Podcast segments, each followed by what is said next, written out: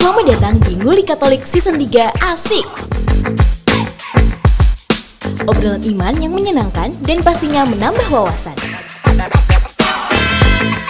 Onak sapi sing dibeleh. Happy listening sobat Bambleh.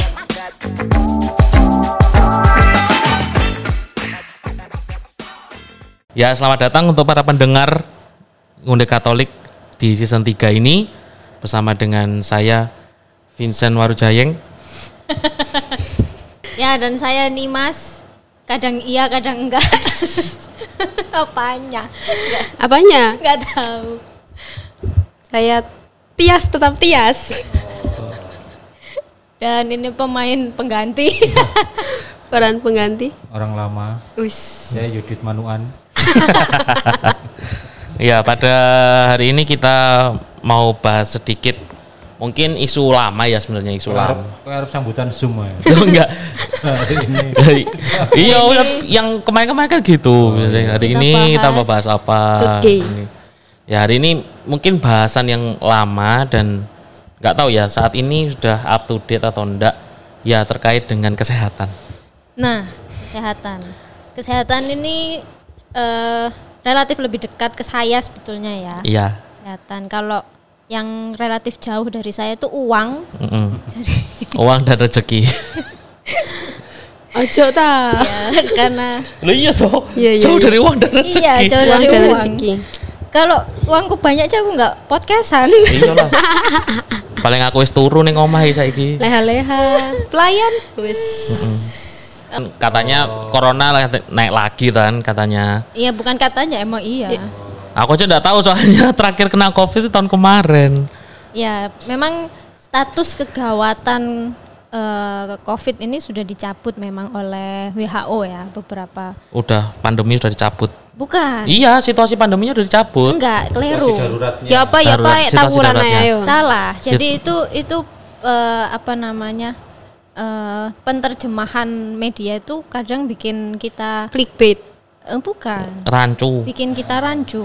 Sebetulnya yang dicabut oleh WHO itu adalah status kegawatannya. Nah, Oh. Karena meskipun eh, pandemi, pandeminya masih ada, status pandeminya masih ada. Namun eh, sekarang COVID sudah tidak gawat seperti awal ya tahun lalu maupun dua tahun lalu. Fasilitas kesehatan tidak kebanjiran pasien sampai harus nutup-nutup fasilitasnya. Kemudian pasien yang terkena COVID pun nilai eh, apa angka mortalitasnya tuh tidak setinggi dua tahun lalu. Gitu. Bisnis PCR masih lancar. Ya itu masih masih apa ya, tapi bukan menjadi sumber pemasukan utama bagi fasilitas kesehatan. Sudah nggak ada lagi tempat-tempat PCR drive-thru yang antri. Iya loh, udah pada tutup loh. Iya. Ganti jadi ada. tempat lain, beralih ke tempat lain. Wisma Atlet katanya udah tutup juga untuk nganu pasien Covid. Ya, Wisma Atlet sudah tidak menerima pasien COVID. Jadi sekarang terima atlet ya. Terima atlet sekarang. Betul, betul, betul, betul. Ya mungkin berangkat dari itu ya. eh, kita mengingatkan kembali oh, beberapa hal yang menjadi apa sih? Apa sen? Ya concern soal kesehatan lah. Oke. tak kira kaitannya mbak sing episode kemarin Rehana itu dinkes kan dia Ya, Iya. emang. enggak sih, bosan kita bahas Rehana. terus ada lagi yang dinkes daerah mana Oh iya, ada lagi daerah cewek juga. Iya, cewek Iya, iya, juga, cewek juga ibu-ibu. Kadinkes Se- Serang. Serang, Serang Banten. kalau eh, Serang, Serang Banten. Banten. Iya. Oh, kenapa? jadi puskesmas terus angka busung laparnya masih tinggi tapi dia Pas diwawancara dia kabur. ya Oh. dia bergaya hidup mewah Iya, iya, iya. Tak kira orang yang sama loh dinkesnya itu. bukan Lah, anggitmu kabeh Dinkes wonge padha, ha? satunya Lampung Mm-mm. Situ Lampung, situ Ndek Serang ya. Iya, Serang Lampung. Ya deket kan sebenarnya, Iya cuma sih. dipisahkan sama itu. Selat Sunda. Selat Sunda. Oh. Berarti memper-memper lah kelakuannya paling ya. Hmm, nggak tahu juga sih ya. Ya kita udah bahas itu episode lalu ya. Kita bahas yang sekarang, kita Ya, lihat masa ya. depan. Kita nggak lihat dinkesnya ya, kita lihat soal kesehatannya. Betul. Gimana? Apa yang mau dilihat eh? lah ya kan tadi kan kalau dibicarakan soal apa? Mungkin soal ini loh. Yang tadi itu soal eh, apa praktik-praktik atau mungkin apa ya? Kalau mungkin kalau dalam kacamata gereja ini soal moralnya. Kalau di Ya. di gereja ini untuk istilah soal eh, moral dalam bidang kesehatan itu namanya bioetika. Jadi etika biomedis bisa, bioetika bisa. Nah itu eh, lebih pada bagaimana tindakan-tindakan yang semestinya diambil oleh dokter untuk menangani suatu kasus kesehatan dan tidak bertentangan dengan moral ajaran Katolik sendiri. Jadi harus tetap pada eh, prinsip soal pro life atau berpihak pada kehidupan. Ya. Ada kalau di Amerika itu pro life atau pro choice. Ya, pro choice. Soal aborsi ya. Oh, heeh, heeh. Eh, perempuan dibebaskan memilih atau berpihak pada kehidupan. Kalau gereja Katolik tetap pro life. Tapi di di negara-negara liberal ya tetap Pro choice. pro choice. Karena memang apa ya mereka memandang bahwa ini loh tubuh tubuhku sendiri, aku punya hak at- atas tubuhku, mau tak apain ya sembarang karepku. Hmm. Apakah anda buka berpikir seperti itu? Kalau anda punya tubuh ini secara pribadi, kamu mau, mau apain aja terhadap tubuhmu? Enggak lah, wong aku saya sayangilah tubuhmu dulu. Kan ono istilah sayangilah dirimu sendiri baru bisa menyayangi orang lain. Oh, minum Yakult tiap hari. Betul. dua kali sehari Dua kali sehari. Ojo sering-sering mencret ton. sebetulnya kalau hmm, aku sih setuju ya tubuhku adalah eh, apa tadi Baik Allah. Baik Allah. iya itu kalau Harus suci. setiap hari. tubuhku tuh ya eh, ses- ap- apa mauku gitu ya sebetulnya ya betul sih tetapi bukan berarti terus tidak bertanggung jawab Ya. gitu bagaimanapun kan ki- eh, ya tadi tubuhku tubuh itu ya bait Allah maka ya kita harus bagaimana Menjaga. menjaga supaya eh, tetap sehat gitu kan terus eh, tetap, Tetap aman. bugar. iya iya dong, saya kata bugar. Iya kan, jadi menjaga kesehatan diri itu sebetulnya juga salah satu bentuk cerminan iman ya, Mm. gitu sih. Nah, kalau di tempatnya Mbak Nimas, mungkin yang sering menjadi apa ya concern paling banyak soal kesehatan itu biasanya pasien-pasien yang masuk itu lebih ke penyakit kronis kah atau mungkin ya hanya sekedar apa ya masuk UGD jahit apa luka dan sebagainya gitu. Setiap fasilitas kesehatan pasti punya ranking sendiri-sendiri ya, Eh, maksudnya punya urutan tiga penyakit terbesar yang yang dilayani di sana. Tuh. Apa saja tiga tiga penyakit besar itu? Biasanya itu penyakit Jantung. dalam ya termasuk penyakit jantung itu, kemudian anak, kasus anak, penyakit pada anak sama bedah. Itu. Lalu ada juga rumah sakit yang mungkin punya urutan yang pertama adalah penyakit geriatri, penyakit-penyakitnya orang lansia atau penyakit jantung juga. Yang geriatri itu aku agak bingung itu. Geriatri it- itu istilah eh, untuk lansia sebetulnya mirip-mirip lah pem- pemahamannya geriatri dan lansia. Rematik ngono ya. Ya osteoporosis, osteoartritis, diabetes, komplikasi itu itu. Pensiun gak cair. Iya. Iya, sumber penyakit. Iya, sebuah Iya, penyakit bener itu. ya, itu Bener, penyakit bener. penyakit orang lansia lah. Mm, Oh, mana nganu pensiunan PNS. Iya. Cuaks. gitu. Tapi eh, kalau di rumah karena tempatku adalah rumah sakit Katolik ya, jadi eh, kami tidak menerima ada beberapa layanan yang tidak kami lakukan Ya. di rumah sakit Katolik ya karena Contohnya, Aborsi. ya Ya bos nggak terima lah. kami nggak nerima Terus aborsi. apa lagi? Selain aborsi. ini apa bedah kecantikan. Wow. Oh, kayak nganu suntik botox, Ya terus kalian benang gitu. operasi Ah, plastik operasi juga. plastik untuk tujuan kecantikan ya. jadi misalnya hidungnya nggak apa-apa harus minta dimancungi nah itu nggak Kayak karet ban.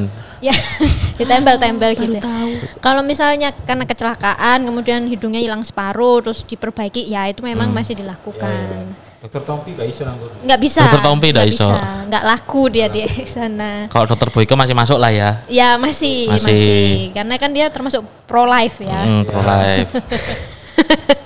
Kenapa ketawa gitu, Mbak? nggak apa-apa iya kan pro life kan. pro life Iya, dia. Dokter Karena Boyke karena kalau yang kaitannya seperti itu kan tujuannya adalah prokreasi. procreation Procreation. Ya gitu. Jadi berpihak pada terciptanya atau terlahirnya individu baru. Betul. Tuh, jadi kalau cari eh, ada sih dokter kulit di RKS itu ada, cuman tidak melayani itu tadi bedah plastik, apa suntik dan segala macam itu. Berarti kayak suntik-suntik apa? suntik Hmm, mati. Suntik vitamin, suntik putih itu maksudnya? Ya itu men, apa ya? Secara medis memang legal ya, tetapi eh, aku kurang tahu bagaimana prakteknya. Apakah ada pasien yang minta seperti itu di RKZ apa enggak? Aku kurang tahu. Emang kebanyakannya suntik-suntik gitu ya. Ya kalau sekarang kan eh, beauty is pain ya kak ya. Ah. Jadi Oh. eh, suntik putih, suntik vitamin C, Kalau gitu harusnya ke mantri suntik, gak usah ke rumah sakit. disuntik kabeng kok awake. Kalau sun- nah termasuk KB, KB itu tidak dilayani di RKZ. ya. KB-nya KB alami. Jadi kalau KB nggak pasang spiral gitu Mm. itu nggak nggak dilayani. Itu kan termasuk I- IVF. Yang paling paling polos di sini Tias kan. dia. Mm. Iya, nggak tahu apa-apa kak saya kak. Masa? Orang Katolik harus KB alami. iya. Kabeh ala. Oh iya iya. Iya, spiral nggak boleh, termasuk IVF kalau di IVF itu apa? in vitro fertilization. Ya, Bayi tabung. Oh. Ya itu semua juga. yang kondom, spiral, enggak boleh. Nggak boleh. Ya Itu itu diinget-inget Tias. inget-inget ya. Sesuai kalender ya. Kalender. Ya, d- Lah, itulah Kalender se- liturgi tapi ya? misalnya ya, misalnya iki. kan kan KB kap, apa? KB alami. KB alami. itu. Nah, lek misalnya Kebobolan. kebobolan. Ya wes. Ya wes. Ya memang terima. tujuannya itu. Dan nggak boleh aborsi. Tujuannya memang supaya nggak menghindari kebobolan. Mm-mm. Ya harus diterima. Kebobolan kan satu kosong. Kan mengatur Oh, bukan sendiri 52 kan, ya? Bukan. Ya, 52 kan kita juara ya. Ya, ya, Oh, paham. Paham. Baru tahu loh ini. Sebagai pengetahuan ya. Hmm. Siap-siap. Iya. Katanya tahun depan. Amin. Amin. Jadi makanya aku tuh eh, karena background pendidikanku kan kesehatan masyarakat ya, eh, kebanyakan kegiatannya itu menyuluh memang ya. Oh Jadi iya. makanya aku tuh sangat eh, apa Aware. ya, mendorong Oh ya. untuk anak-anak perempuan yang sudah mulai menstruasi itu mulai diajarin cara menghitung masa subur. gitu. Oh iya betul. Karena itu nanti ada kaitannya setelah mereka menikah dan merencanakan keluarga. Yang laki-laki diajari menahan diri. Iya. Ah Iya ya. itu. Diajari ugari. Apa jariku? Iya.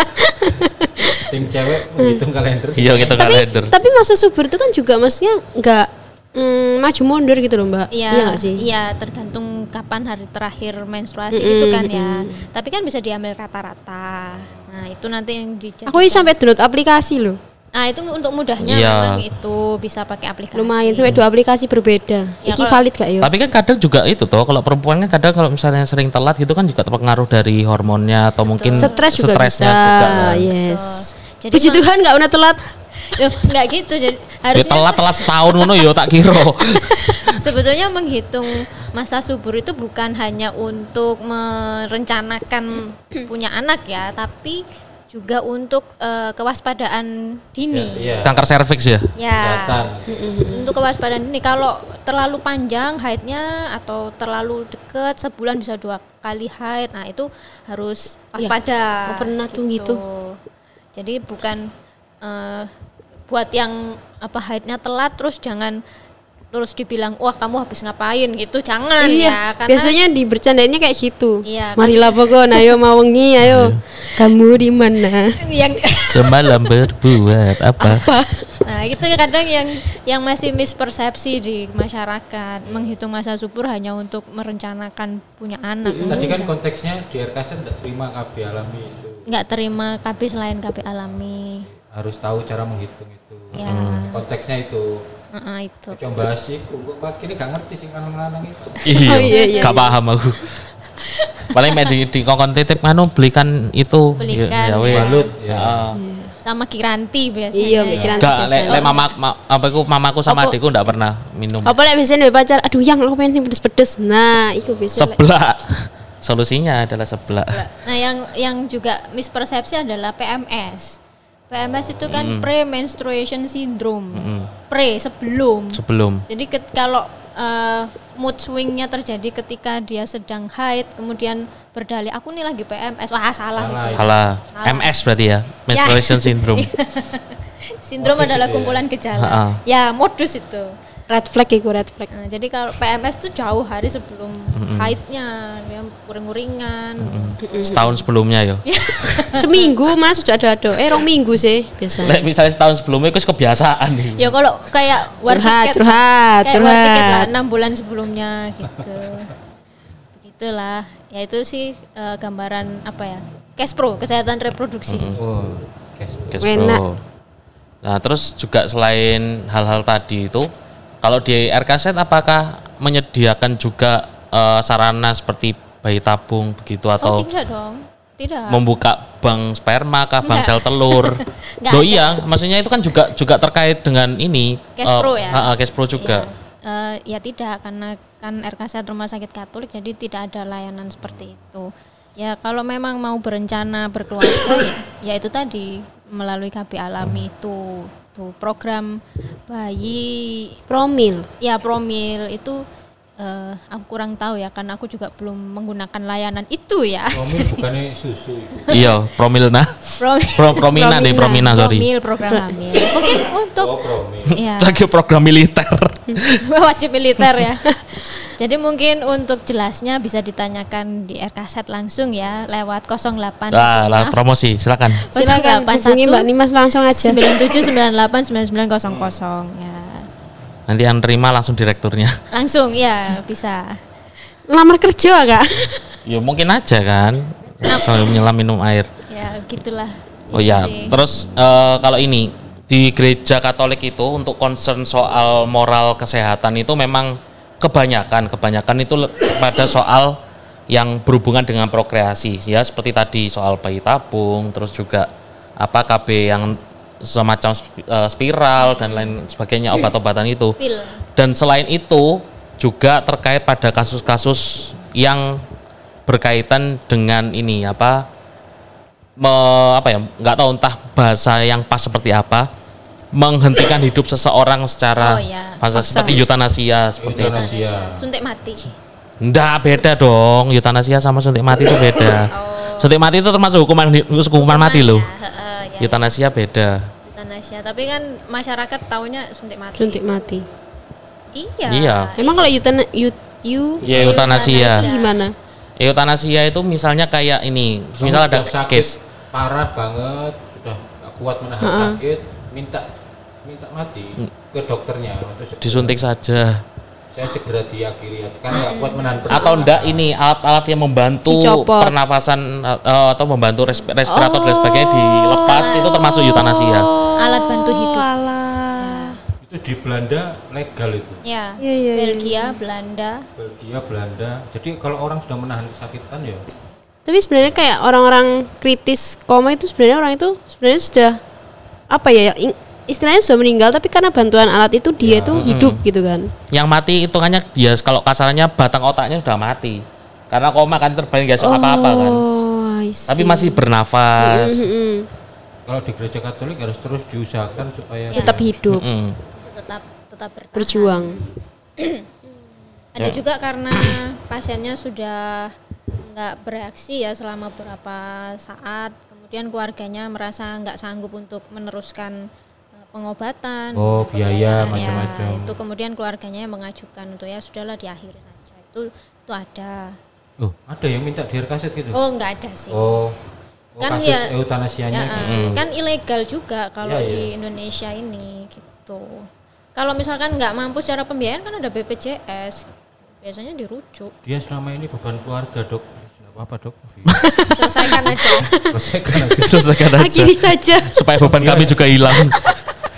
Toh dia hidup juga ngentekno beras Dok. Wis ngentekno beras gak ngasilno apa-apa. Urip mangan eh. Memang lumayan dok kamarnya juga digadi Iya. pertimbangannya sangat pertimbangan Sangat sangat- Iya sangat ya. sangat Teknis. iya ya. visioner sekali ya. Timbangan ini gak menghasilkan ya udah akhirnya saja. Iya iya. Enggak ngaruh sisa narik ana gak ono. Astagfirullah. Sumbangsinya untuk kehidupan kami dan juga negara gak ada kok. Iya iya iya. Ya, tapi, tapi memang dilematis ya eh, di posisi keluarga itu memang dilematis. Cuman kalau secara Katolik kan nggak boleh, Hmm, bagi nggak boleh. apa pun alasannya. ya Apa pun alasannya. Kalau di RKZ sendiri, misalnya ada kasus seperti itu, eh akan tetap yang akan tetap diupayakan. Diupayakan. Tetap diupayakan. Misalkan ya tadi masalahnya pembiayaan, jadi rujuk ke rumah sakit yang menerima pembiayaan entah asuransi, entah BPJS. Semuanya mengusahakan. Pokoknya kita usahakan supaya dia survive. Karena kan ya kita nggak tahu orang ini besok bangun kan kita nggak tahu. Kayak waktu mamaku meninggal itu. Teng teng teng. Oh, no backsound backsound. Langsung sedih. Malah kasih sedih. Teng teng teng teng. Kan backsoundnya ngono biasa. Masa bunuh sih. Iya. Kayak ono kok mbak. Kayak nanti dikasih aja lah. Kayak mendramatisasi. Tahun berapa? Tahun berapa? cerita. Ibu keadaannya tahun berapa? ya ki gimmick ta mas nggak tau. 2000 2019 Oh, 2019. Oh, sebelum pandemi. Oh, malah sebelum pandemi. Itu waduh ini malah teng teng. Teng teng teng teng. Jadi sampai waktu sudah apa namanya sakratul maut itu Heeh. kan di Siloam. Hmm. Siloam. Sakratul maut itu anak-anaknya sudah kumpul semua terus saudaranya sudah kumpul semua. Itu dokternya terakhir masih tanya lagi ke saya, saya sebagai wa- wali keluarganya. Pak ini apa masih mau dipompa jantung? Apa di Ya, resusitasi. apa? Resusitasi. Resusitasi. resusitasi. Oh iya, gitu ya. Padahal itu ya wis semuanya sudah ngerti yang di situ. Tapi akhirnya terus di kayak sampai dia dokternya itu ngajak semua perawatnya itu ada enam orang gitu. Ayo ayo ayo ayo. Diupayakan loh terus. Tapi sudah wis sudah sakratul. Karena memang nunggu lengkap kayaknya mamaku itu nunggu lengkap semua terus semuanya BCI koyo absen ngono hadir hadir hadir hadir hadir hadir wis langsung wis ininya semakin apa menurun. Menurun. Terus ya dipompa itu. Ya wis. Ya itu salah satu contohnya kewajiban apa? Kewajiban tenaga tenaga kesehatan. medis kesehatan. Ya, untuk konfirmasi ulang ke keluarga. Ya itu harus dilakukan. Karena kalau enggak ada tuntutan hukum yang Ah. membayangi. Jadi pasien itu sebelum MRS ya masuk rumah sakit itu diminta eh, apa konsen istilahnya. Inform consent. Ya. kesepakatan gitu ya apa Ya. persetujuan Ya, siapa yang boleh menerima penjelasan mengenai kondisinya dia, dirinya sendiri sama siapa keluarganya. Kalau dia nggak menghendaki keluarganya, nggak apa-apa. Yang penting sudah ada konsen. Siapa yang boleh melihat medical record misalkan. Lalu ada lagi siapa yang, eh, apakah ketika terjadi henti jantung mau tetap diupayakan Oh. atau berhenti? biar kaset ada itunya Ada Oh. DNR istilahnya, do not resuscitate. Jadi itu itu pilihan ketika eh, apa sebelum masuk opname itu. ya ya ya Kalau dia sudah menandatangani pernyataan DNR, dijalankan ya artinya ketika jantungnya berhenti ya sudah tidak ada penanganan. ya Gitu. Gitu sih. Tapi kalau dia tidak menandatangani itu ketika jantungnya berhenti ya harus dipompa, diresusitasi sampai Bisa. eh, ya sampai kembali lagi irama sinusnya itu kembali lagi, irama jantungnya balik lagi atau setelah biasanya berapa setelah kali hitungan apa piro eh, biasanya setelah 20 30 menit tidak ada respon, tidak ada ini ya sudah dinyatakan meninggal. Meninggal. Gitu. Tuh, itu menghindari tuntutan hukum juga ke tenaga Tenaga medis. ya ya ya. Gitu. Jadi memang berat ya apa tanggung jawabnya tenaga medis itu. Kalau kalaupun seandainya si pasien ini meninggal tapi bukan karena kesalahannya atau mungkin nggak bukan karena mau praktek, ya mungkin nggak tahu entah keluarganya yang nggak terima atau Bisa. bisa jadi kan dituntut. Ya, maka itu semuanya harus dilakukan sesuai dengan SOP. Ya. Jadi pernyataan keluarga harus diminta tanda tangan, edukasi di awal hak dan kewajibannya pasien itu apa itu harus disampaikan. memang the best memang kaset ini Karena kalau Keren loh. Kalau nggak ya gitu itu ada eh, kesalahan dikit kita bisa kena tuntut. ya ya Dan ini cerita mungkin yang nggak banyak orang tahu ya di RKZ itu perawat-perawat saya, teman-teman perawat saya itu ketika melakukan resusitasi itu mereka tuh sambil nyambat istilahnya orang Jawa. Ayo Tuhan orang ini masih muda Tuhan masih oh masih panjang Oh, jalannya. Ayolah tolonglah. Itu teman-teman saya oh merinding aku. Tapi lek ngomongnya bareng kabeh ya Tuhane Bingung ya? Tuhan iya. Siji ae. iki kisi kudu ditolak Iya. disian iki. Enggak lah. Ya itu. Kabeh ngomong kabeh perawate. ya mi- misalnya ada lima kamar ini yang diresusitasi resusitasi tiga kamar. Ngomongnya podo. Iya. Gue Tuhan. Ini Tuhan tuh. Ya itu yang yang kemudian disebut menggedor surga. Ya ya. mendobrak surga. Menggedor Knocking on heaven door itu ya ya. itu. Itu yang disebut nok nok. Ya lagune. kita udah nggak ngetuk lagi kita gedor-gedor dan Iya, iya, gitu iya. itu gitu ya banyaklah cerita-cerita seperti Ya itu itulah hebatnya iman, ajaran iman Katolik ya. ya ha-ha. Yang diterapkan di tenaga medis Tenaga di rumah medis. sakit Katolik. dan di rumah sakit RKZ itu nggak hanya orang Katolik aja kan tenaga medisnya ada yang Muslim ada yang- banyak sebenarnya Tapi Muslim kalau di rumah sakit Indosiar itu langsung kok. Gak ada usaha deh, langsung. maaf bu pasien tidak bisa diselamatkan kami sudah sudah berusaha. berusaha, kami sudah berusaha Terus sing ibu iku nangisnya kepaksa ngono. rumah sakit untuk Indosiar ngomong alhamdulillah Terus di zoom zoom. zoom. zoom in zoom out, zoom in zoom on Oh, mohon maaf bapak sudah meninggal. Alhamdulillah. Indosiar warisannya semua buat saya. Iya. Anak sing nang Indosiar sing apa pasien masuk IGD wis darurat kronis. Ternyata saudaranya numpak nang dhuwure ngene. hah? Numpak nang dhuwure iki lho. ah itu itu itu terjadi Ambek kalau ngejak ngomong. Oh ayo, kamu bangkit tapi dia numpak nang dhuwure pasiennya iki terus didorong kalau di IGD itu terjadi Wonge numpak nang kono. Iya, tapi perawatnya. Jadi ketika harus RJPO begitu Oh. henti jantung kan pasti harus ada yang ngode code blue gitu biasanya. Terus ada yang naik langsung ke ranjangnya untuk Oh. itu ada di IGD. Oh, tak kira adegan itu terlalu berlebih. Terlalu iya lebay. ternyata ono Tapi kok keluarganya duduk Keluarganya, nah itu salah. Oh, itu Indosiar, Iya, ya. itu Indosiar. rumah sakit Indosiar Iya. Ta- Dan itu gak mompa deh, Mek.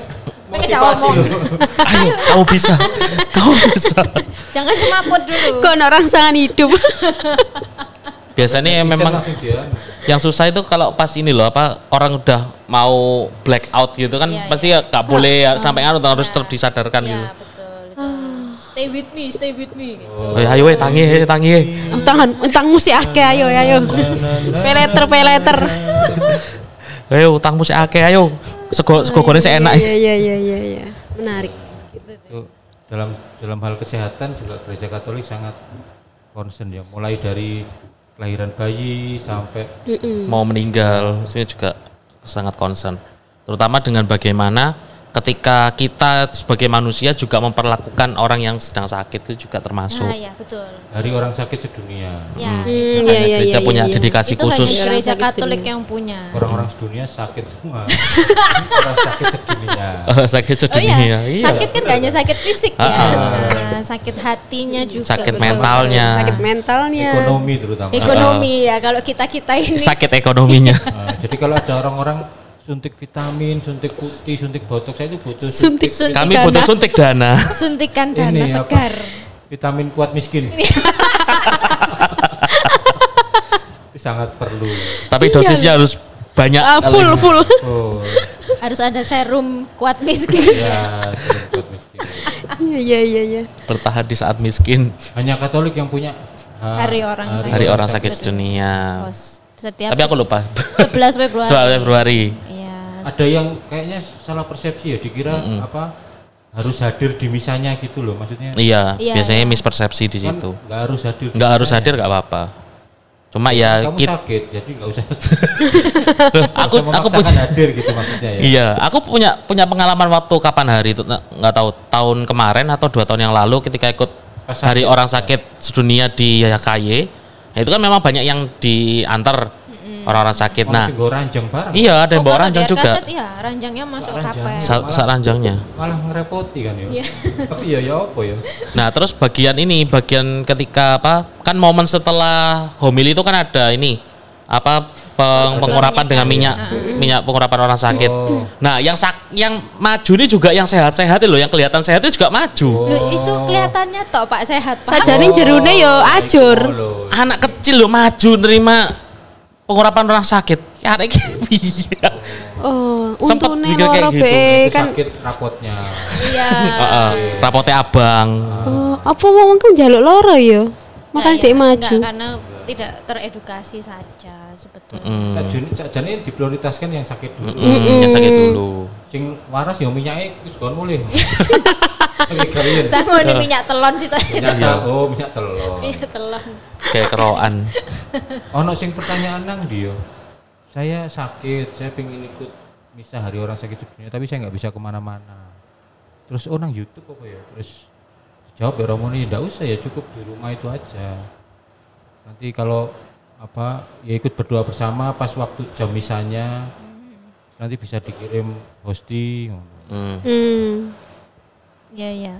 Kalau di RKZ tuh setiap tahun kami ngadakan di kapel. Dan Bapak Uskop ya yang mimpin Dan ya. Bapak Uskup. Monsinyur ya. Ya, Bapak Uskup langsung yang mengurapi dengan minyak. Itu dulu sebelum pandemi eh, mulai dari orang yang pakai tek- teken sampai yang ada itu. yang ada di bed itu masuk semua ke kapel. Memang hari itu kapel kami khususkan buat pasien itu. Itu ada yang luar di luar RKZ, pasien di luar RKZ. ada, ada. Jadi kalau Kayak kayak Pak B musik ngono. sakit iya, heeh. jadi dia Itu umum, maksudnya apa Katolik semua? Kal- iya Katolik yang Oh. Katolik. Iya, iya namanya misa hari orang BE ono sing. Sing masuk-masuk. pengen iya. Mana sih pengen? Iya. Enggak. Kayak posarang kan dia umum. Oh, Iya, oh, pasaran umum. Oh iya ya baru tahu. Enggak sih kalau dulu tuh semua sampai sampai ada di luar-luar kapal. Enggak, tapi enggak harus pasien RKZ ya. Enggak, enggak dari luar. Jadi kadang eh, kalau tahun ini dan tahun lalu tuh kami daftar karena kan kapasitasnya nggak Ya. boleh sampai overload ya. Jadi kami mendata siapa yang itu dari misalnya yang sudah lama sakit di rumah itu terus daftar ikut itu bisa. Tapi kalau yang pasien-pasien biasanya kan ditanya ya. Oh, ikut ya. Heeh. Tuh, kalau ini ya diurapin semuanya dan, dan setiap pasien yang agama Katolik ya pasti dikasih komuni kalau misa pagi itu pasti ada Oh, itu komuni. kalau itu yang tiap pagi itu ya. Ya tiap pagi itu ada Keliling ya ke Ya, suster Oh iya setiap pagi. Saya masih ingat soalnya pernah pernah opname di sana gara-gara DB. Jadi pas turu itu pas jam misa gitu kan Setengah setengah, enam. setengah enam gitu. Terus mulai keliling kan suster Ya. anu ngirim komuni aku sik gurung adus. Iya, nggak apa-apa. Tapi harus Sik gurung adus tapi gak gak ikut doa gitu loh maksudnya gak ikut misanya. nggak- nggak ikut misanya tapi yo kan pasti denger toh denger Iya, dari, dari radio. speaker itu kan ya tidur ya pas wayang anu duduk Iya. jadi kayak oh ya opo Ya, gitu namanya juga sakit kan. ya pengecualian kan sakit-sakit Iya. kecuali cantengan enggak usah. Iya, cantengan kan saya sok tangil. nah, jalan. Jalan. ya. Apa kepikiran cantengan? Soalnya aku tahu nang kono kenapa gara-gara Cantengan. enggak tulang keringku apa retak. Tulang kering oh Ah, rata rata ah, tulang kaki, kering. Iya, iya. kena footsteps ya ampun sini sini. Jadi di ruangan itu aku tok sing seger buger. Karena isi Karena iya. Wek tulang kering Tulang kering. Nah, nah, nah, nah, nah. Wong sing sing lemah-lemah tak berdaya tak bedoi kabeh. Nah, nah, nah. Aku sampai aku sampai nang perpus barang. Oh ya ada. Melaku-melaku. Iya, maksudnya kudu operasi. Oh, heeh. Tapi ya operasi sikil kan yo ado mek nyawa to. Enggak juga sih. Yo ado mek nyawa lah Iya maksudnya. iya, maksudnya enggak urgent. ber, ber ya. mari. Ngawur aja bro. Sakti ku. Terus aku hari ke hari kedua itu wis suwe ratu seger puter sik sik muda kan. Terus melaku-melaku ngono "Nah, sakit ya. Nah, nah, nah." Ini enggak bisa jalan Iya, ya. kesam laku ya, kesam laku ya. Ya. Kiple yo sik. Aduh, Ingat ini. Bean ya Iya. jadi. Oh, sing ngenyek-nyenyek. Iya, iya sing Nang ngenyek-ngenyek. ruang tunggu iki. ngeplaki sikile wong sing diperben Anak uang dulunya dianu kan tetangga kayak gini-gini. Iya. Kayak Mr. Kita Nah, gitu. kayak ngono aku. Aku melaku-melaku nang perpus. Terus perawatnya ngerti kan ini sakitnya cuma kaki jadi enggak apa-apa. Sampai metu nang ATM nang jopo. Sampai dijelasin loh sampai suster men gak salah paham. Wong iki kok gelange gelang kuning tapi kok melaku-melaku.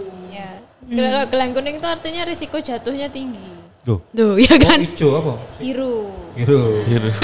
Oh. risiko ambruknya rendah ya kalau biru Ya, biasanya pasien-pasien geriatri itu punya gelang Oh. kuning. Lah iku aku melok misa nang kapel terus melaku-melaku.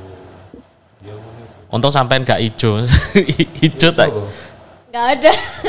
Kalau Yang Bisa kuning ya? itu kalau perempuan tuh gelangnya pink, kalau laki-laki gelangnya biru.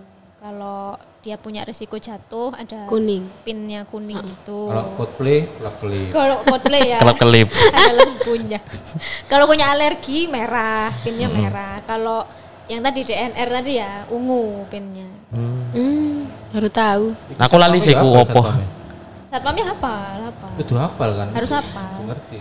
Ngerti. Aku putih teh enggak salah. Enggak, pasti ada birunya. Nah, aku aku terakhir opname ini gara-gara DB itu tapi berapa? Hah? Tahun berapa? 2015 awal. Oh, ya ya. Oleh gelang putih gue menyerah. Menyerah pada hidup. Wis gak gelem survive aku Isan. Terserah wes. Tarik aku Tuhan, tarik aku. Tapi aku waktu itu ya waktu pengalaman opname itu aku gak gaya gelang. enggak aku pakai gelang. Bayar. Baru bayar. Kurang dicekrek. Eh, Kurang disekrek. Aku punya punya pengalaman lucu itu waktu itu opname itu punya pengalaman lucu. Jadi aku kan masih ingat eh, sekitar bul- bulan Januari, Januari pertengahan Januari itu aku DB kena DB dilarikan eh, bukan dilarikan sih maksudnya Dirawat. fase fase DB-nya itu itu kalau kalau panah kuda itu hampir yang turun. Oh iya. Ya, ya. Nah, aku kan juga punya penyakit buat apa penyakit batuk yang ngekel banget tuh waktu itu. Nah, waktu periksa ke dokternya, dokter itu malah periksa batukku. Jadi aku juga nggak tahu bener DB atau enggak. Dicek lah, cek darah. Darah. Trombositnya turun. Baru masuk rumah sakit, baru masuk masuk kamar opname itu malam. Padahal aku aku cek ceknya itu mulai pagi. baru masuk malam. Itu, itu yang pertama. Terus yang yang kedua itu pas hari Selasa malam, Selasa malam aku masuk Senin, Selasa malamnya itu aku kaget eh, ada yang ngunjungi aku malam. Sopo tak gitu. Ternyata nganu toh eh, temen eh, temennya mamaku kan mamaku dulu kerja di RKZ. sam- Nah, itu punya teman di bagian resepsionis. Oh, Di bagian resepsionis poli. Nah, kok pas tumben jam 8 kunjungan. Ternyata nganterkan anaknya. oh. Anaknya tuh ternyata sebelahan sama aku, Oh, teman SD ku. Om nama sekali. Om- Om nama sekalian. juga. Lo kenapa tante? Di hari tak deloki. Walah kok iki ini reunian awake dhewe ning ning ru- rumah sakit. Oh, ketemu kerabat. Iya, iya. Ketemu kerabat yo akhirnya nganu apa cerita-cerita gitu sampai barengan nih cerita-cerita ya apa ya gitu. Jadi kayak kayak apa ya? Kayak omai dewe. Kayak omah dhewe. Ngekos ngekos sok ceritane ngekos. Masuk di hari. Iya, di sini terus. Butuh konfirmasi. Iya, iya, iya. Harus divalidasi. Harus divalidasi dulu. percaya aku di hari. Iki loh. tapi tapi ya memang waktu waktu itu kan aku masih di seminari toh, masih seminari. Oh iya. Ya ada perasaan iri juga karena dia dikunjungi sama pacarnya saya sendirian. Oh. Dikunjungi malaikat tuh. Nah, malaikat maut. Kan dikunjungi susternya. Iya. Tapi untung di sana juga bagi orang yang opname itu juga dilayani dari pastoral care juga. Betul. Oh iya. Jadi didatangi sama teman-teman yang dari pastoral care mendoakan gitu. Itu yang membedakan layanan rumah sakit Katolik dengan rumah sakit lain. Hmm. Ada selalu ada unit pastoral care-nya. Tapi yang saya cukup kaget itu ketika yang mengunjungi itu adalah nggak tahu Tim Da- doa. tim doanya tapi kok iki perasaan aku orang Katolik tapi kok doa di Kristen. Kristen. Iya, iya. Waduh, ini gimana Ya ini? itu zaman dulu. Itu, eh, waktu itu aku udah cerita kayaknya di podcastnya. Iya, awal. yang sebelumnya. Hmm, ya. Ya memang pastoral care itu tugas utamanya adalah pendampingan pasien. Jadi kalau eh, kalau ilmu keperawatan tuh bilang manusia itu eh, sehatnya harus secara psik, bio, psiko, sosio dan eh, apalagi gitu loh. Ini ilmunya perawat sih ya. Jadi di RKC itu berusaha untuk memenuhi itu semua. Secara biologis harus sehat, secara sosial dia harus sehat. Ekonomi juga. Nggak ono sih. Ya baik kan meringankan. Nggak Awak ono. dewe kulek sing gak sehat iku. Ya, dan dan aspek psikologinya ini kadang terlupakan. Dan kehadirannya pastoral care itu adalah untuk pendampingan secara psikologis. Dan nggak cuman yang Katolik aja. gitu. Jadi semua pasien apa pun agamanya disediakan pendampingan. Kalau mau aku konsultasi. Ya, Iya. curhat. Konseling gitu ya. Ya ada ada konselingnya. Biasanya kalau orang eh, sakit itu kan apa ya hanya butuh apa? Ya, Dengarkan. eh, eh, curhat didengarkan gitu. Cuman belum melebarkan sayap ke pendampingan keluarga pasien ya kalau keluarga pasien kan lebih banyak lagi nanti curhatannya ya. Iyo larang iki biayane apa itu Eh, Tias punya pengalaman opname atau hal-hal yang berhubungan dengan rumah sakit nama terakhir pas balita, aku puji Tuhan selama eh menuju dewasa ini, tumbuh dewasa ini nggak pernah opname ya kak ya. Jadi rawat intensif ya di rumah. Paling mentok dulu pas SMA itu eh masuk UGD, RKZ. Tapi RKZ memang pelayanannya top. terima kasih Susternya muda-muda, dokternya muda-muda, gitu. Jadi Iya, iya. langsung tak SMA apa ibu? SMA kelas 10 Ayo apa penyakitnya? asma oh dia biasa iya punya asma kan itu sampai Di ghosting ya kak ya. kebetulan pas itu saya polos jadi tidak mengenal arti cinta. Lah lah lah lah lah. belum ketabrak cinta. Terus mas asma Tabrak beca. kirim masuk UGD terus dokternya langsung taktek oh ya siapkan ini.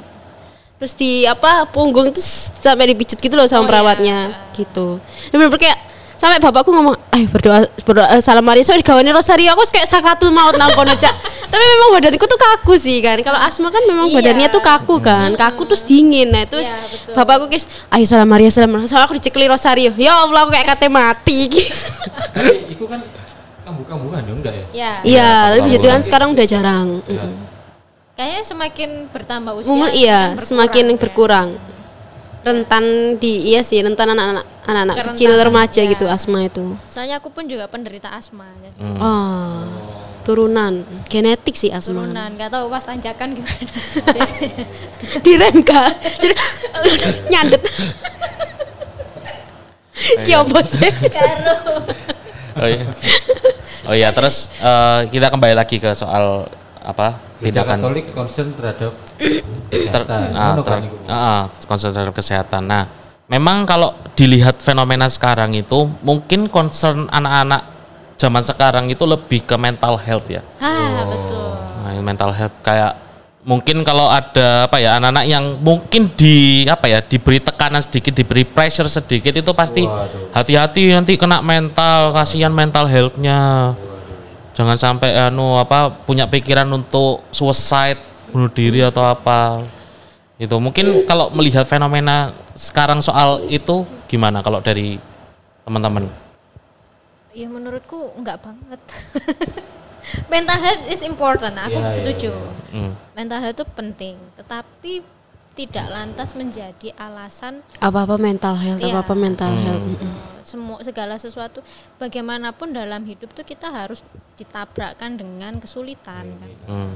Kan? QOTD, ki balik mana kayak podcast minggu ini. Quote of Bukan. OTD ya.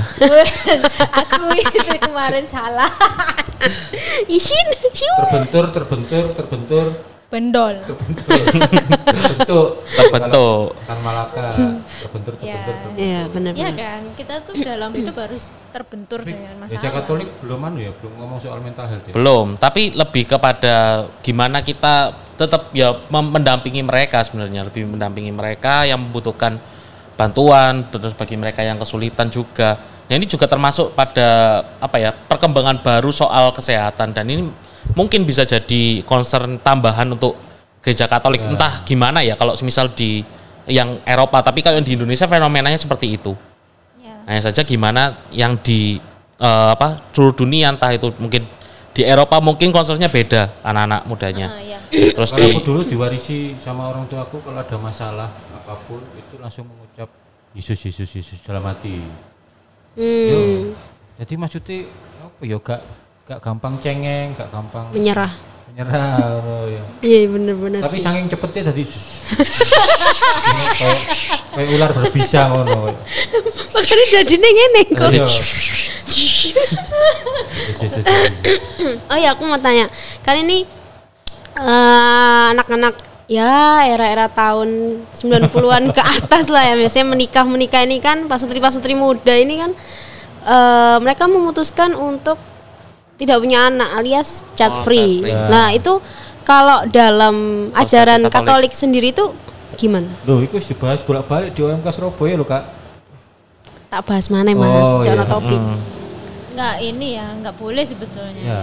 Mm. jadi menurut gereja Katolik kan mm, harus Prokre- terbuka pada prokreasi, Prokreasi tetap. tadi, balik lagi. Kalau kamu sudah menikah ya konsekuensinya nantinya kamu akan Punya anak. punya ber- berketurunan. Terus kenapa ya orang-orang menikah tuh nggak punya anak ya? Ya alasannya macam-macam ekonomi, ya belum siap Kesiapan secara mental. finansial, eh ya mental, Itu sih. Jadi balik lagi sebetulnya ya ke tujuan pernikahan. Ah, betul. Nah, terutama juga ini kalau merujuk dari beberapa hal yang dikeluarkan oleh gereja, terutama ini ada apa? Wah, Mungkin instruksi, instruksi Mulai soal peng Latin, Latin nih mulai. Enggak, enggak, enggak. Enggak, instruksi instruksi tentang penghormatan terhadap apa kehidupan manusia sejak semula dan juga eh, apa martabat prokreasi. Nah, itu dijelaskan bahwa memang eh, prokreasi manusia itu secara spesifik punya karakter yang merujuk pada keutamaan mengenai ke martabat pribadi manusia. Nah, karena karena eh, dari prokreasi itu kita benar-benar apa ya? ditinggikan martabat kita sebagai manusia bahwa martabat orang tua, martabat anak-anak itu juga termasuk pada pada bagian eh, apa penghormatan terhadap martabat pribadi masing-masing. Nah, kalau seandainya suami istri sudah menikah kalau di Katolik, tetapi memilih pada memilih untuk child free, itu dia tidak menghargai martabat pribadinya sebagai manusia.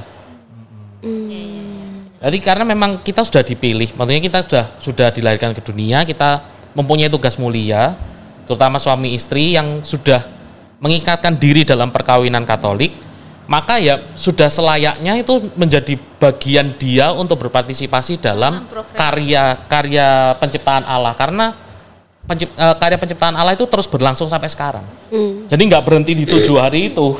Oh ya. Dia tetap berlangsung sampai sekarang. Ya melalui apa? Melalui prokreasi itu. Mungkin dia merasa malu sama dirinya sendiri sehingga nggak pingin keturunannya jadi kayak dia. Kayak dia. Perbaikan keturunan. Biarlah orang-orang seperti aku ini berhenti di aku. Sadar diri, sadar diri bahwa dia adalah beban. Kan orang lain kan, oh aku ingin punya keturunan supaya ada yang kayak aku. gitu kan. Iya, ada sebaliknya ya. Ya sebaliknya. Cukuplah dunia ini mengalami kekacauan karena Cukup wes aku aja terakhir. individu kayak aku ini. Kalau di Jepang tuh malah apa? Dibayar apa? Iya, sampai Fenomena, dibayar, iya. Anak dibiayai sama pemerintah Sampai lulus S2. sampai lulus kuliah. Terus kalau anaknya berapa itu ada anggaran dari pemerintah. Ya. Karena karena di sana sangat sangat rendah sekali. Iya, Mm-mm. ting, ting, Tingkat. tingkat kelahiran, tingkat kelahiran sangat turun. Banyak single-single iya. Iya, angka kelahirannya sangat Berarti tinggi. saya cocok kayaknya di sana. Oh, silakan. Belum, belum. Tergantung kamu nanti di sana mau jadi apa. belum. Nah, kan kita mikir deh. Tapi di Jepang juga ada fenomena yang ya terkait sama jumlah kela, apa Jumlah kelahiran yang kelahiran dan pernikahan Ah, ah. yang minim ini ya. Kemudian ada banyak kejadian ditemukan orang yang meninggal di rumah seorang diri. Iya, iya, sampai karena dia sendirian. Nah, nggak ada yang tahu. Iya. itu. banyak loh itu. Jadi karena apartemen kan. Apartemen. Dan apartemennya di Jepang kan kecil- sempit-sempit kecil-kecil. Hmm. Jadi ketahuannya setelah berapa hari Berapa meninggal. Ono mambu. Iya. Eh, tapi itu juga pernah loh terjadi di Indonesia yang dia ngekos Oh, iya, sendirian. ada yang antisosial. Iku iku no lab ae stres. iku. No lab. Nggak, kalau di Jepang kan sangat banyak kejadian seperti ini. Jadi ya, jadi makanya oleh pemerintah rakyatnya diiming-imingi dibayar itu tadi kalau menikah. Ben gak mati terus maksudnya. Ah, ah. Iya, ben gak habis. Ah, Biar nggak ah. habis warga negaranya. Dan gereja juga anu apa menegaskan di dokumen eh, Humane Vitae Baik. Wah iki. bahwa perkawinan dan prokreasi itu adalah hubungan yang tidak terpisahkan yang diinginkan oleh Allah dan tidak dapat dipatahkan oleh manusia dengan ke- inisiatifnya sendiri. Ah, ya oleh karena itu child free itu tidak eh, Tidak bertentangan. tidak boleh. Gak sesuai, gak sejalan. Gak sejalan. Kan anggapannya yuk anak itu berkah kan. Iya. Lah Tuhan sendiri kan sudah ngomong beranak cuculah, Iya. penuhilah Oh, bumi. di janji pernikahannya juga sanggup apa mendidik anak. Iya. Eh bagi sebagian orang yang mindsetnya masih mindset zaman tahun 02 ya, bakala itu anak itu beban. Ono sing mindsetnya ngono. Anak itu beban, anak itu malah membuat masalah. Ya, i- iya iya beban nggak beban gimana? Eh, masukin sekolah aja sekarang 10 Iya. juta minim. Jadi anak itu jadi pelampiasan depresinya, stresnya. Pulang kerja dia Baby marah-marah blues terus, kali ya. terus Baby blues kok sampai arah ESD dulu. Iya. Terus kan waktu hamil Nah, waktu hamil toh. Melahirkan. Atau melahirkan toh, pasca melahirkan. baby black paling. Black Fang. Black, black, black mamba. Black and blue. ya itu. Terus- free tidak, eutanasia tidak, hukuman mati tidak. Cloning enggak. Tapi Mbak aku tanya, kan hukuman mati tadi nggak boleh. Nah kalau misalnya ini kita praktekkan di hewan, itu apakah Wah, Mari Apakah- tanpa pengetahuan Tias kita undang hewannya. kan biasanya ada kan misalnya hewan sudah sekarat-sekarat gitu kan Beda mau nggak mau harus disuntik mati. Mm-mm. Aku pernah itu. Beda lagi kan itu. Aku pernah sih kayak gitu. eh, ini jelas sih. Kayak hewan Iya. secara Iya Katolik ya? Eh, Iya, penasaran nih aku. Oh, enggak. secara Katolik. Iya, boleh nggak disuntik mati? Hewannya kayak ngono. Wis Ya, sekarat, wis Sekarat. Sudah tua. Sudah tua. Nah, kan ada tuh layanan-layanan Mm-mm. Aku kurang tahu sih kalau yang soal Ya, hewan-hewan. tergantung agama hewannya. Aku Oh majikannya apa agamanya berarti Meloi? Nah, biasanya yang nggak boleh berarti anjing ya, karena anjing. Iya kebanyakan Nasrani ya. sama karena babi. Anjing, anjing kan ya nggak itu ya. Agamanya kan biasanya Kristen Katolik Ah, ya. Ditanya paroki mana? Ah. Nanti dia nulis sendiri identitasnya. Ah, Biasanya anjing sama babi ya. gitu. kayaknya nggak berlaku untuk hewan kayaknya. Enggak, enggak berlaku.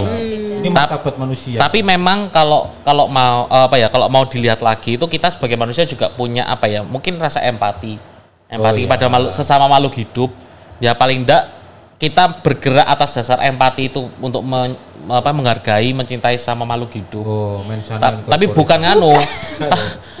tapi tapi bukan dalam artian apa ya kita apa ya melihat hewan punya hak-hak dan sebagainya kayak yang apa animal lover itulah atau Animal welfare. eh, eh, eh, animal welfare itu kan Animal defender. animal defender gitu Minimal juga kita menghindarkan mereka dari rasa sakit yang Mm-mm. jangan itu. ya tapi bukan caranya yang yang anu ya yang bener ya maksudnya kalau Ah. kita harus nyuntik mati atau enggak enggak tapi kita tetap apa ya memberi, mendampingi Mengupayakan juga. eh, mengupayakan Ya itulah. Kalau berbeda ya kan. Mungkin yang disebut peri kehewanan tadi ya. Hmm. ya. Ya ya ya ya. Prinsip-prinsip peri kehewanan itu berbeda dengan eh, kebijakan untuk manusia juga. Mm. gitu. tapi ya ha- pelihara anjing ya. Iya, pelihara iya, anjing. Aku pelihara. dulu aku dulu pelihara anjing Oh, anjingnya pindah ke situ. mungkin diadopsi sama apa-apa yang penting agamanya tetap ya. tekamanya tetap Tetap. agamanya anjingnya Tetap tetap. iya tetap. Anjingku ya melok. Enggak ana bisa online biar ya melok nongkrong. Iya, iya, Enggak iya. masalah. Heeh. ya kan di Samrat kan juga ada hewannya tuh Apa? di Samrat Nyamuk. enggak kucing yang keliaran itu Oh, Oh berarti wes fix Katolik lah, wes mlebu kalangan Oh, samrat bro. iku. Nggak usah adat ya. Arab tak usir aja. Tapi memang anu loh kalau mau apa melihat lagi yang soal hewan itu kadang ya yang jadi jengkel itu adalah ketika orang yang membela mati-matian haknya hewan oh anjing nggak boleh gini kucing nggak boleh gini dan sebagainya sampai apa ya mencaci orang lain yang menyiksa dan sebagainya. Ya mau menghargai sewajarnya tapi ya enggak sampai segitunya lah ya. Itu ada tuh videonya Paus Franciscus yang ada. dia mengkritik seorang nyonya-nyonya tua. Ini di depan wartawan atau apa ya? Dia cerita ke wartawan, ada seorang nyonya tua bawa anjing lucu kecil gitu di dalam tas gitu, lalu dia, oh minta berkat untuk anjingku ini. Terus Paus tuh lihat kok tasnya mahal, anjingnya lucu gitu. Terus dia bilang, bu di luar sana masih banyak anak-anak yang kelaparan gitu. Maksudnya Oh iya iya iya kamu, paham. kamu segitunya ke anjing, Anjing, kecil ini. tapi ke Tapi sesamamu yang seperti yang itu lain. Ah, Ya ya. Kalau kata salah satu apa ya pelatih hewan itu binatang itu tidak mengenal kemewahan. ah. Jadi nggak perlu sampai Mm-mm. kandangnya dibikin, Dibikin. dari Louis Vuitton gitu. Chanel. Ah, Chanel. mereka hanya mengenal perhatian dan juga kasih Iya, sayang diberikan mereka, sama mereka tuannya hanya butuh itu kasih sayang sama arahan katanya gitu. Itu kan. Mau stay? Stay. Nah, stay. sit, sit, sit, sit sit sit sit. Iya, Oh, iya gitu. stay Hanya with me. La la la la la la la tataki. Tahu. Tahu lah. Lagu TikTok. Anak fang. Ah, ah. tapi aku lagu lawas loh oh ya terus juga ini eh, kalau kembali lagi ke soal moral Mentek loh ini. Durasi ini Enggak, maksudnya kalau Part dua, ya, ta. terakhir. eh, part 2. Enggak, oh, mau part 3. terakhir lagi. Apa? Eh, kita juga perlu melihat bahwa apa yang sebenarnya dilakukan oleh gereja Katolik terhadap kesehatan, eh, terutama eh, concern di bidang kesehatan itu juga berakar dari eh, keutamaan-keutamaan yang dimiliki, yaitu ada eh, keutamaan iman, harapan kasih itu juga termasuk Iman sebenarnya, harapan kasih. dan juga empat keutamaan kardinal itu juga juga termasuk. Uga hari itu termasuk. Heeh. Gahari termasuk mas. Padanan katanya Ugahari itu apa? Sederhana. Tahu Sederhana. batas, tahu batas, Cup Tahu, ya, ya. sederhana dan tahu. penguasaan diri, tahu batas. Kalau jauh hari itu strikernya Iya, striker. Itu nama Romo juga loh itu, Romo CM. Jauh hari. Jadi kayak misalnya, misalnya ya, kalau kita sudah punya teknologi yang begitu maju, tapi teknologinya itu digunakan untuk bayi tabung, terus digunakan untuk eutanasia, digunakan untuk apa, eh, Cloning. cloning dan sebagainya itu gak bijak, karena memang bertentangan kan dengan yang alamiah yang natural. Terus juga apa, kalau kita berkaitan soal keadilan, kita mau eh, apa punya punya upaya untuk apa ya untuk berbuat adil dengan sesama ya paling enggak kalau semisal kamu sudah punya concern untuk melahirkan atau punya anak mbok yo anaknya jangan disia-sia Dirawat yang baik. jadi di, dirawat baik-baik sejak embrio malahan Ah, iya. Kalau di eh, salah satu dokter objin itu bilang bahwa persiapan kelahiran punya anak itu ti- Dimulai. dimulai sejak sebelum menikah. Oh. Kar- karena karena kalau dalam pandangan gereja Katolik ketika sel sperma dan sel telur bertemu itu sudah menjadi manusia Ya. Wena, aku dan kamu bertemu jadi kita. Eh tapi tapi ini pun juga sejalan dengan eh, ini loh apa program seribu hari pertama di kehidupan itu. oh aku aku lupa sih pernah pernah dengar tapi Aku aku lupa tanya yang seribu hari tanam pohon kan. tanam seribu pohon dah Aku ngerti ini seribu hari sholat jamaah. Oh no. aku aku ngerti di seribu hari mengenang sopo. Iya, dan seribu hari pertama kehidupan. Itu startnya bukan ketika ibunya mengandung, ketika conception ya istilahnya, tapi ketika persenggamaan itu udah dimulai enggak jauh sebelum itu, jauh itu sebelum itu jauh sebelum itu bahkan ketika si ibunya ini Iya. belum menikah. Iya. Tuh, itu menurut dokter salah satu dokter Opjin di RKZ ya. Jadi persiapannya itu tidak hanya persiapan menikah tiga bulan sebelum menikah enggak, tapi Jauh-jauh hari. Jauh jauh jauh hari. Mental, mindset. kesehatan fisik Psikis. Nah, itu. Jadi apa yang dikonsumsi saat ini itu nanti akan pengaruh Berpengaruh juga. pada pertumbuhan seribu harinya si anak ini. Oh ya hamil sebelah. Ini iki aku kok langsung hitung seribu hari. gitu terus mulai terus mulai ngitung itu. terus juga ini mulai ke apa keutamaan soal keberanian kalau orang yang memakai alat kontrasepsi atau KB dia itu sebenarnya adalah orang yang takut untuk memiliki tanggung jawab sebagai orang tua Oh, jadi dia nggak nggak berani mengambil Mm-mm. tanggung jawab itu ya. Ingin lari, ingin lari ya kalau mau berani ya wis nggak usah anu nggak usah pakai nggak usah pakai kontrasepsi ya. Anjay. Ya, Oh, iya. KB alami itu. Berani, berani pokoknya berani. Nah, terus Tabrak. juga keutamaan soal kebijaksanaan itu juga eh, apa? Kita sebagai manusia itu punya kontrol atas diri kita sendiri. Punya kontrol untuk penggunaan alat-alat kesehatan, terus juga apa menentukan eh, mau mau menikah atau enggak, mau punya anak atau enggak, punya kontrol diri dan pada batas tertentu. Jadi jangan sampai apa terlalu over di mana sampai berpendapat bahwa ya ini badanku sendiri ya, aku aku bisa melakukan se- eh, apa sesuka hatiku mau tak operasi plastik Iya betul. di sana teman-teman. sini mau Aja sembarangan operasi. mau Operasi. memancungkan hidung mau menjo- mendowerkan bibir ganti kelamin. ganti kelamin Lulov. Ah.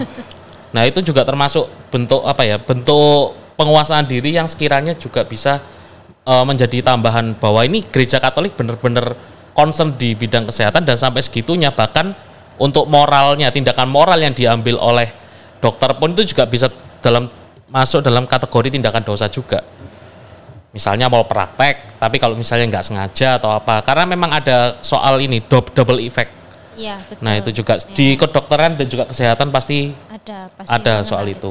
Termasuk dalam bioetika. Hmm.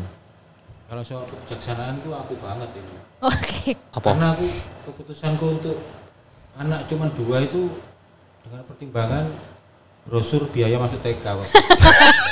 Iya tapi bisa loh, bisa pengaruh. Setelah lihat brosur itu ya kita dua aja Iya. itu kan benar-benar bijaksana tuh ya. Iya, Jadi bener. sebetulnya Iya, iya, bener-bener. lebih pada pengendalian dirinya Pengendalian, nah ya. itu tadi Caranya itu. kalau tidak ada brosur itu mungkin ya sok apa sok Iya. Limo bahkan mas. oh begitu lihat brosurnya enggak iki kayak loro Kayak loro ae. Aja sampai nganu Gen Halilintar. Welas. 12 ya. Enggak apa-apa kalau mampu sih. Kalau ya. mampu, yang penting kan Sultan. adil. enggak gitu. Loh, enggak, Beda maksudnya kan- konteks. Bu, Wes wes wes wes ayo, diselewengkan tukaran loh. tukaran kok lanjut mana? Ah, iya. Enggak poligami lah Iya makanya beda konteks itu Beda. yang penting adil. Loh, enggak, maksudnya yang penting adil itu terhadap anak-anaknya Iya. kalau misalnya mau beranak banyak. Ya dia juga harus memberikan haknya mereka Ah, ah. secara adil ya. Jadi sama jangan rata sampai sama rasa. jangan sampai anaknya ada ada delapan ya misalnya ya. Yang lebih diperhatikan yang anak ketujuh ya anak ke delapan di Jarno. Ya anak ke delapan mati anak ke satu sampai ke enam suruh sekolah sendiri ya Ah. biaya sendiri yang biayain ini si anak paling bungsu biayain Ah. gitu ya oke baiklah sudah satu jam kita ngobrol soal ini temanya apa tadi? Ya Etik. kesehatan Kesehatan menurut menurut agama Gereja Katolik. Katolik. oh di gereja Katolik juga memperhatikan kesehatan. Mulai dari lahir sampai mati. Ya jadi ada rambu-rambu ya ada hal-hal yang tidak elok dan tidak boleh dilakukan menurut iman Katolik.